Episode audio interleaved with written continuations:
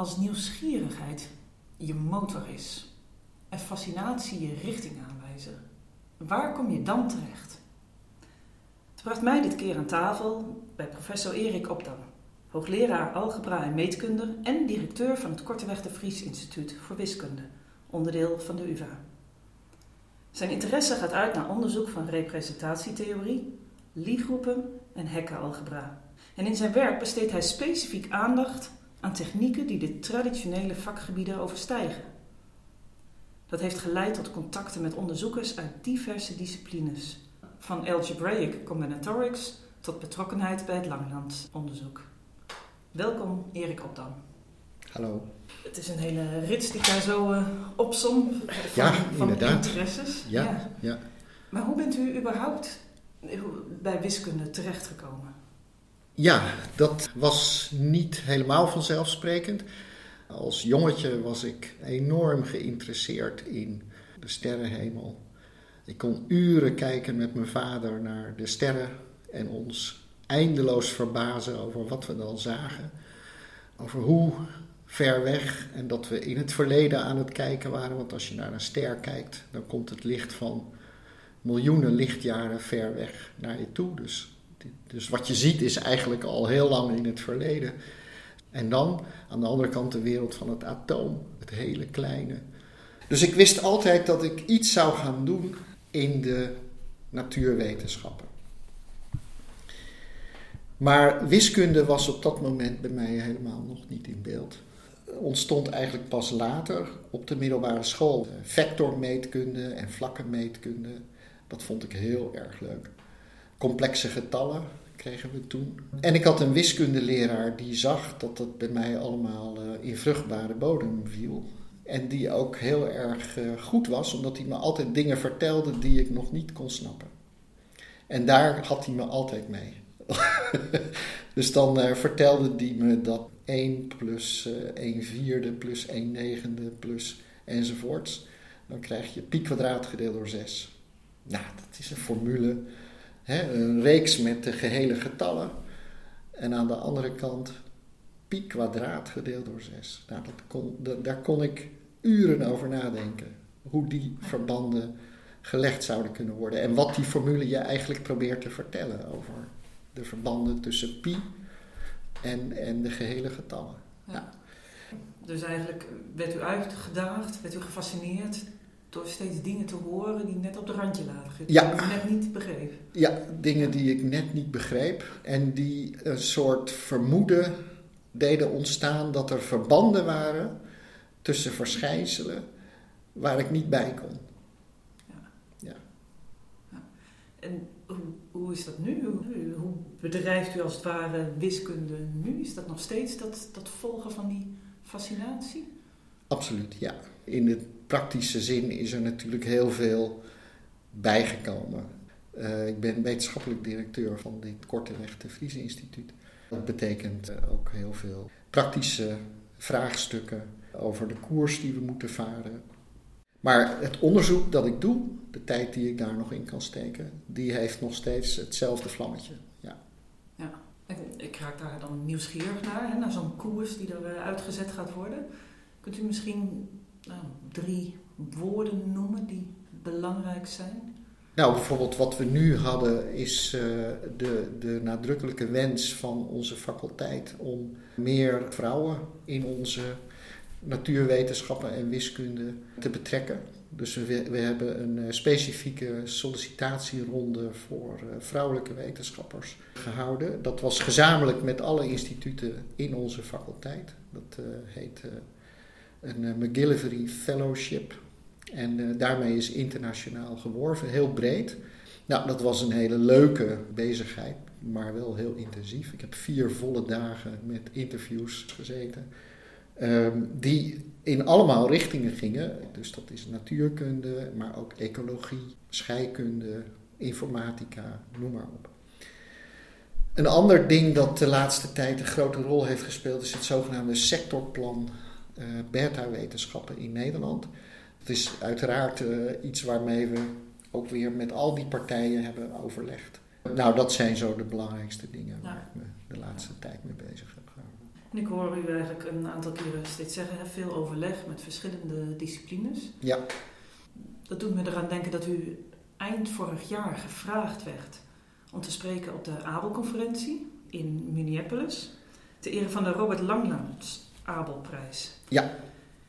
En volgens mij is dat ook zo'n programma waar juist de, de vak, hè, dat heel vakgebied overstijgend uh, wordt ingestoken. Ja. Zou je daar iets over kunnen vertellen? Dat onderzoek dat ik doe, dat is in het Langlands programma. En ja, dat is toch meer binnen de wiskunde. Met misschien uh, hier en daar een tentakel richting de natuurkunde. Daar is ook inderdaad wel sprake van uh, verbindingen die worden gelegd tussen verschillende subdisciplines binnen de wiskunde. Ja. Dus de eerder genoemde natuurkunde, informatica. Nee, die zijn. Die nou, de natuurkunde wel heeft wel, wel degelijk iets met het Langlens-programma te maken. En het heeft ook wel iets te maken met uh, hoe ik in het Langlens-programma terecht ben gekomen. Nou, uh, nou het, het, is zo dat ik al lang geleden, misschien wel twintig jaar geleden, een eerste artikel schreef met een uh, collega van mij uit Nijmegen, Gerrit Hetman. Ik had een lezingenserie van Hetman gezien, waarin hij iets vertelde over een natuurkundig onderwerp. En in de formules die hij opschreef in zijn dictaat, herkende ik formules die, die ik op een heel andere plek in, in de liedtheorie tegen was gekomen. Dat heb ik bij Hekman gemeld en ik heb gezegd van nou volgens mij zijn daar uh, uh, verbanden die we allebei uh, nog niet hadden vermoed. En daar zijn we op ingedoken en dat bleek inderdaad correct te zijn. En een van de consequenties daarvan was dat we ja, bepaalde integralen in de Lie-theorie konden uitrekenen op een manier die tot dan toe niet bekend was. En dat bleek een enorme hit, want uh, dat, dat ging zo gemakkelijk en dat was zoveel beter dan de technieken die er tot dan toe waren, dat dat voor iedereen heel verrassend was. En daarna kwam ik een artikel tegen waar eigenlijk uit bleek dat dat soort integralen ook in het Langlens-programma veel voorkomen. Die berekenen daar een soort dimensie van bepaalde objecten uit het Langlens-programma. De consequentie daarvan was dat, dat een tabel met allerlei hele ingewikkelde formules in een heel klassiek boek over het Langlens-programma, dat ik me realiseerde dat, dat die formules eigenlijk heel eenvoudig zouden moeten volgen uit ons werk. En ik kan me nog herinneren dat ik dus wat van die berekeningen had gedaan. En toen ging ik dat boek openslaan, dat is een heel dik boek, naar die tabel. En ik ging kijken in die tabel en ik vergleek het met mijn berekeningen. En ja hoor, ik kon één voor één al die formules aan elkaar linken. Nou, dat is zo'n moment, dat vergeet je niet snel. Want dat was echt een heel beroemde uitkomst van heel, heel veel werk van heel veel mensen dat in die tabel terecht was gekomen. En wij hadden ineens een totaal andere manier om dat uit te rekenen. En dat was de basis eigenlijk voor mijn werk in het Language-programma. Mooi. U bent toen dus naar die conferentie geweest en toen heeft u hier ook over gesproken, wat u net... Nou, dat was eigenlijk het begin van, van een hele lijn van dingen die je daarmee kunt doen. En daarover heb ik inderdaad uh, verslag gedaan. Ja, hoe, hoe, hoe was zo'n conferentie? Ziet u daar ook dan weer nieuwe verbanden als u andere mensen spreekt? Uh, ja, dat is in ieder geval zeker de hoop. Altijd als je naar een conferentie gaat en als je weer collega's spreekt. Het is niet gebeurd. Ik heb uh, hele, hele mooie nieuwe, nieuwe dingen gehoord.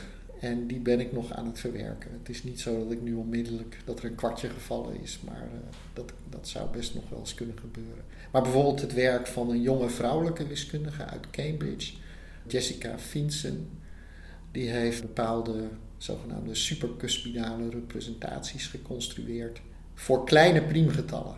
En het was al bekend in eerder werk van haar met een andere uh, vrouwelijke wiskundige uit Cambridge, uh, Beth Romano, dat dat voor grote priemgetallen goed ging, maar vaak zijn de kleine priemgetallen heel hardnekkig. Die hebben allerlei, specia die hebben allerlei speciale wensen.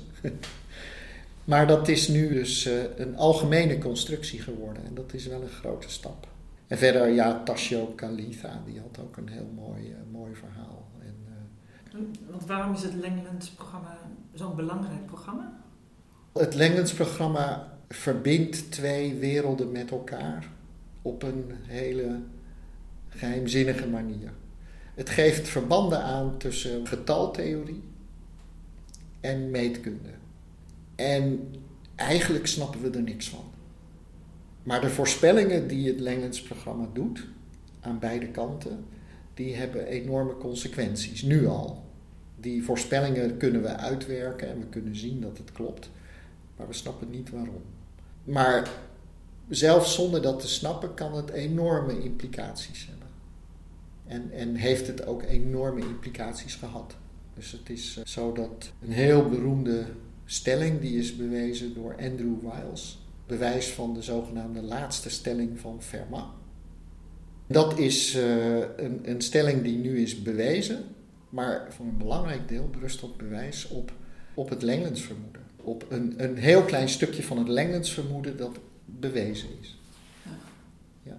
Het is maar echt maar een splintertje van het Langlands vermoeden dat, dat bewezen was en dat al zo'n enorme impact had voor deze vraag uit de getaltheorie. Dus eh, de het kernbegrip van het Langlands-programma is symmetrie.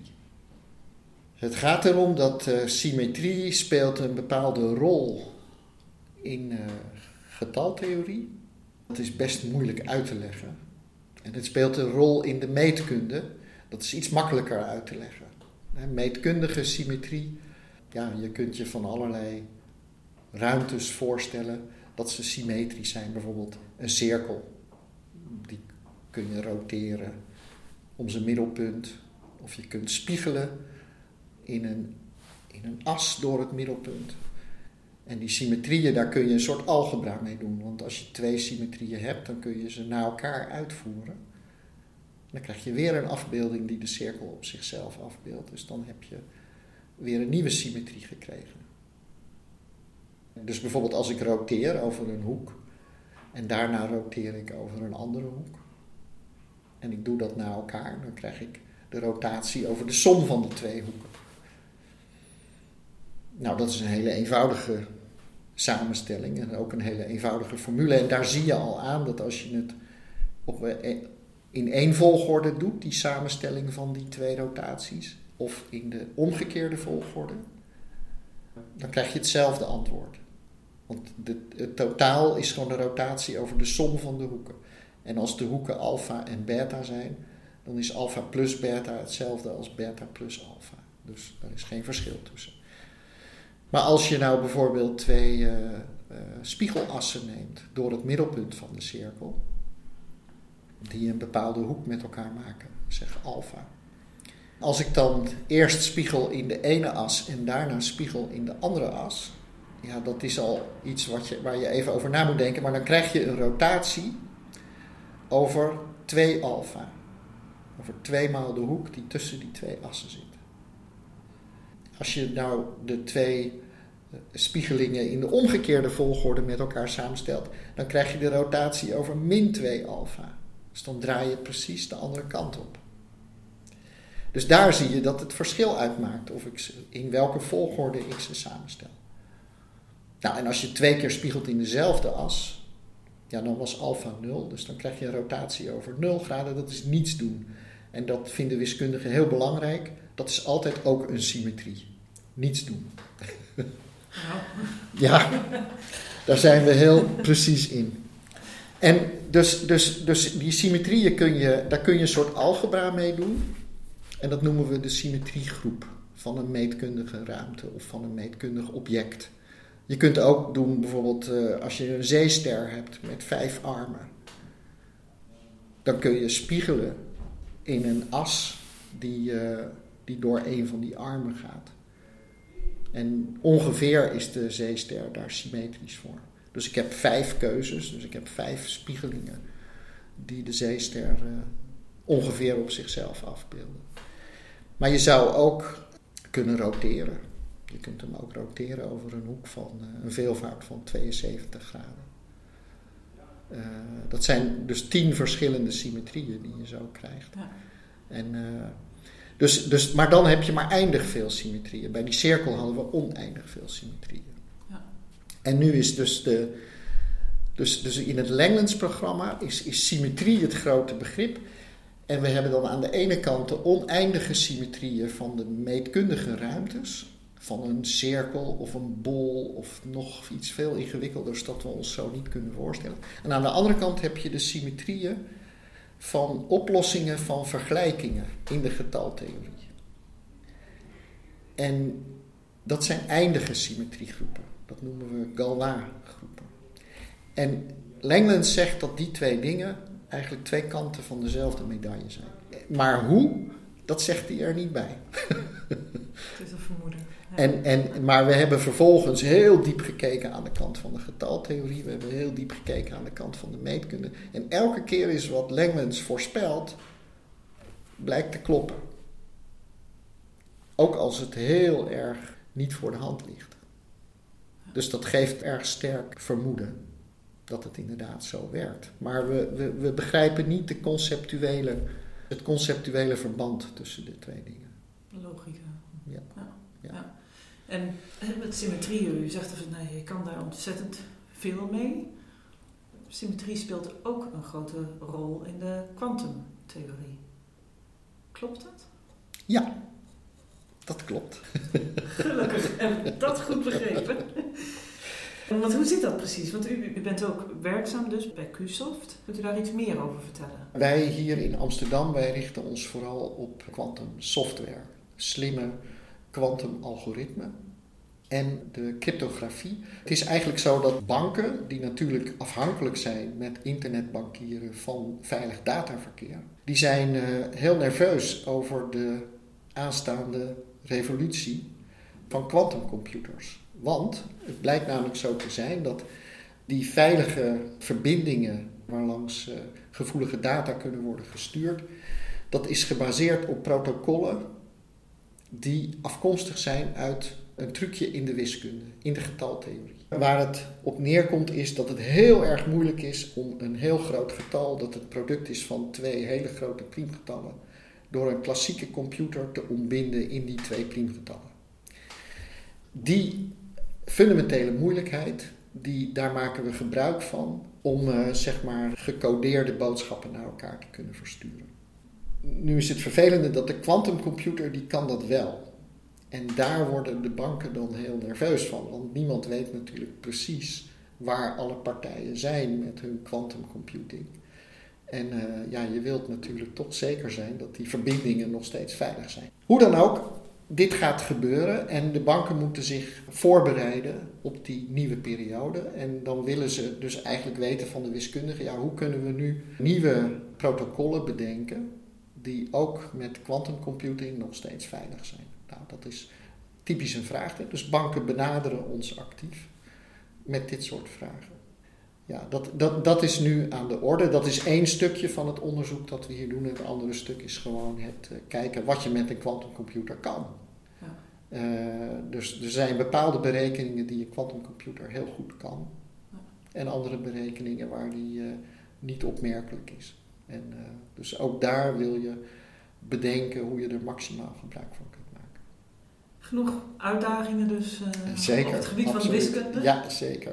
Quantuminformatie, als je daar belangstelling uh, voor hebt, er is een hele leuke webclass, de Quantum Quest vanuit QSoft. En daar worden gewoon lessen gegeven door echte experts, door onderzoekers op dit gebied, over wat de kwantuminformatierevolutie precies betekent. Maar het is in ieder geval zo dat je, je hebt zeker gelijk, symmetrie speelt daar ook een belangrijke rol in, in, uh, in kwantumtheorie, in natuurkunde überhaupt. Er is een onvoorstelbaar uh, raar en ook mysterieus verband tussen ja, een aantal revoluties in de natuurkunde en de theorie van symmetriegroepen.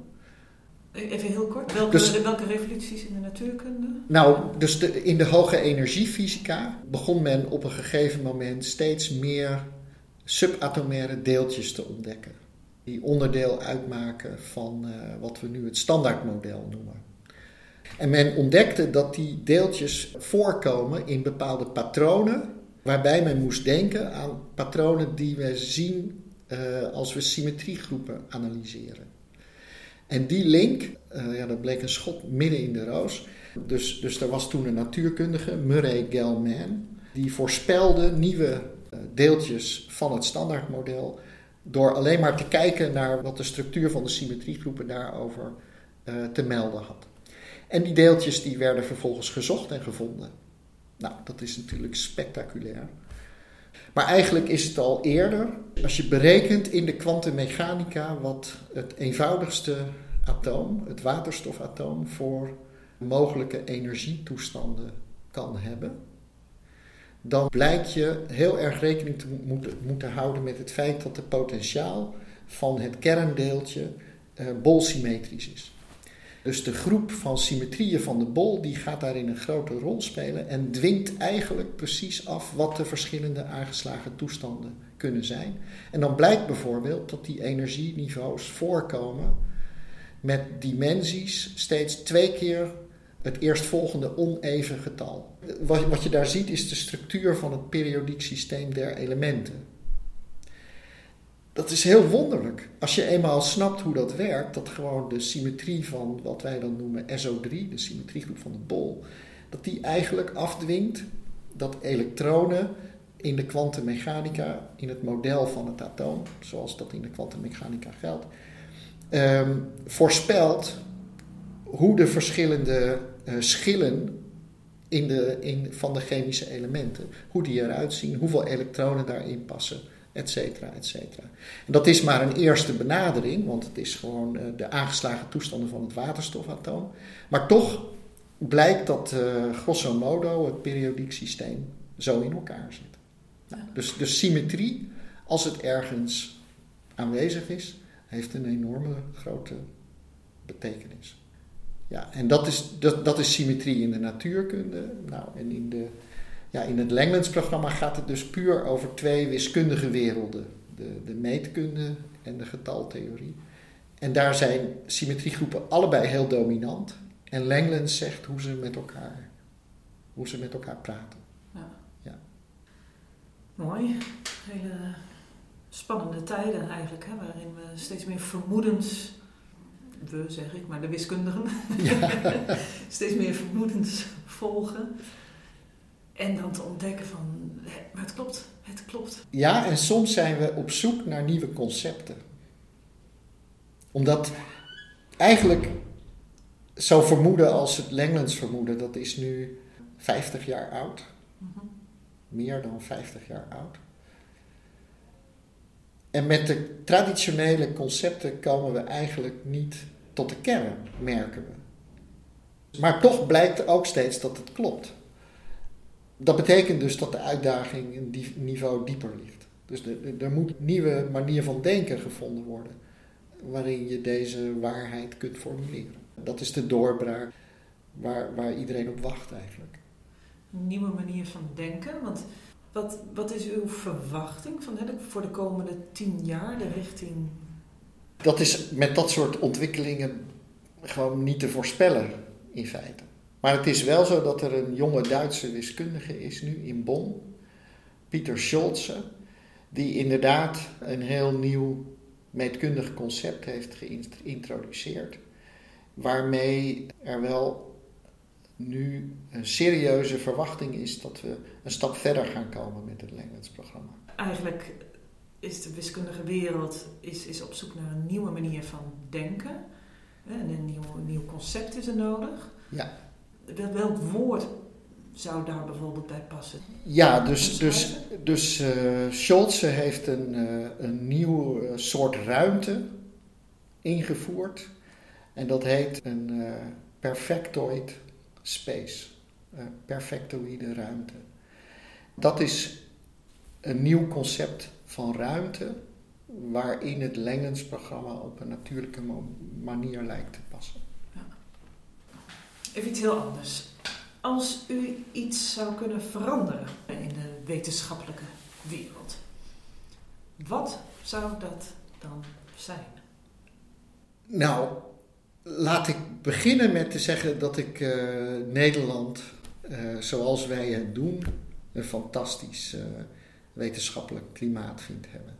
Dus om nou gewoon meteen te beginnen met van nou ik zou dit of dit of dit willen veranderen, dat is een beetje ondankbaar. Want ik denk dat we gewoon vooral moeten vaststellen dat het gewoon allemaal heel goed is in Nederland. Maar als ik dan toch iets zou mogen zeggen, nou ik denk dat we in de wetenschap alle talent dat er is willen gebruiken. En als ik zo om me heen kijk in deze faculteit, dan is dat duidelijk niet het geval. Ik zie toch veel minder eh, vrouwen dan mannen. Uh, dat is echt opmerkelijk. Terwijl ik ook zie dat uh, ja, er is zo ongelooflijk hoog wiskundig talent onder vrouwen. Ja, de twee vrouwen die ik net noemde zijn denk ik binnen het Lengens-programma echt zeer zichtbaar en op het allerhoogste niveau bezig. Ja, daar wil ik meer van. Dus, dus ik zou op de een of andere manier de vertegenwoordiging van vrouwen in de natuurwetenschap, dat, dat is een voor de hand liggende wens. En ik weet niet hoe we dat voor elkaar moeten krijgen, maar ik wil nadrukkelijk de uitnodiging doen. Ja, en dat geldt eigenlijk ook, dat is misschien uh, een beetje onverwacht, maar als ik kijk hier in Amsterdam naar de, naar de verschillende groepen ja, die zijn niet op dezelfde manier vertegenwoordigd hier op de faculteit. Dus als ik kijk naar kinderen met een migratieachtergrond, ook die worden onvoldoende uitgenodigd, denk ik, om hun talent hier bij ons uh, verder te komen ontwikkelen. Dus dat, dat zij, zou denk ik uh, een belangrijke stap zijn. Ja. Dat is één ding. En dat is vooral omdat ik gewoon geloof dat uh, ja, hoe meer je talent weet aan te spreken en uit te dagen, hoe meer je daar uh, natuurlijk de personen in kwestie, maar ook de hele samenleving van kan profiteren. Ja, en iets anders is dat ik, ik vind zelf dat er veel meer geld naar wetenschap mag. Bijvoorbeeld in, in Parijs of in Bonn, daar zijn enorme centra nu voor wiskunde op het allerhoogste niveau. En dat genereert altijd weer meer. Dus je, je, je brengt dan de grootste talenten bij elkaar. Maar die trekken ook weer jong talent aan. En ik vind dat Nederland daar zich heel goed bewust van moet zijn. Want hoe meer je echt aan de top meedoet, hoe, meer, hoe aantrekkelijker je ook bent als, als land voor toptalent om je hier te vestigen. En dat soort dingen, dat heeft uh, een brede uitstraling naar de samenleving ook. Ja. Nou, tot slot ben ik benieuwd. Uh, u bent al heel lang bezig en ook hele mooie resultaten bereikt in de wiskunde. Als u nu weer even terug zou gaan in die schoolbanken. en ja, het is even een, sprongetje. Ja. En u zou zo terugkijkend opnieuw aan uzelf een, een, een advies kunnen geven. Wat zou u zeggen? Uh, volg je hart. Uh, volg je passie. Destijds was het ook zo in de middelbare school. Ik was natuurlijk heel goed in wiskunde. Ik vond het heel leuk, maar mensen zeiden tegen me: ja, maar wat ga je er dan mee worden? Ja. En toen heb ik eigenlijk altijd gekozen voor dat wat ik leuk vond. Ik dacht, nou ja, wat ik ermee ga worden, dat zien we dan later wel weer. Maar nu, ik weet, ik vind dit zo fascinerend, daar wil ik meer van weten. Ja. Dank voor deze toelichting in de podcast eh, en het mooie advies om inderdaad de fascinatie te volgen. Graag gedaan. Erik op dan.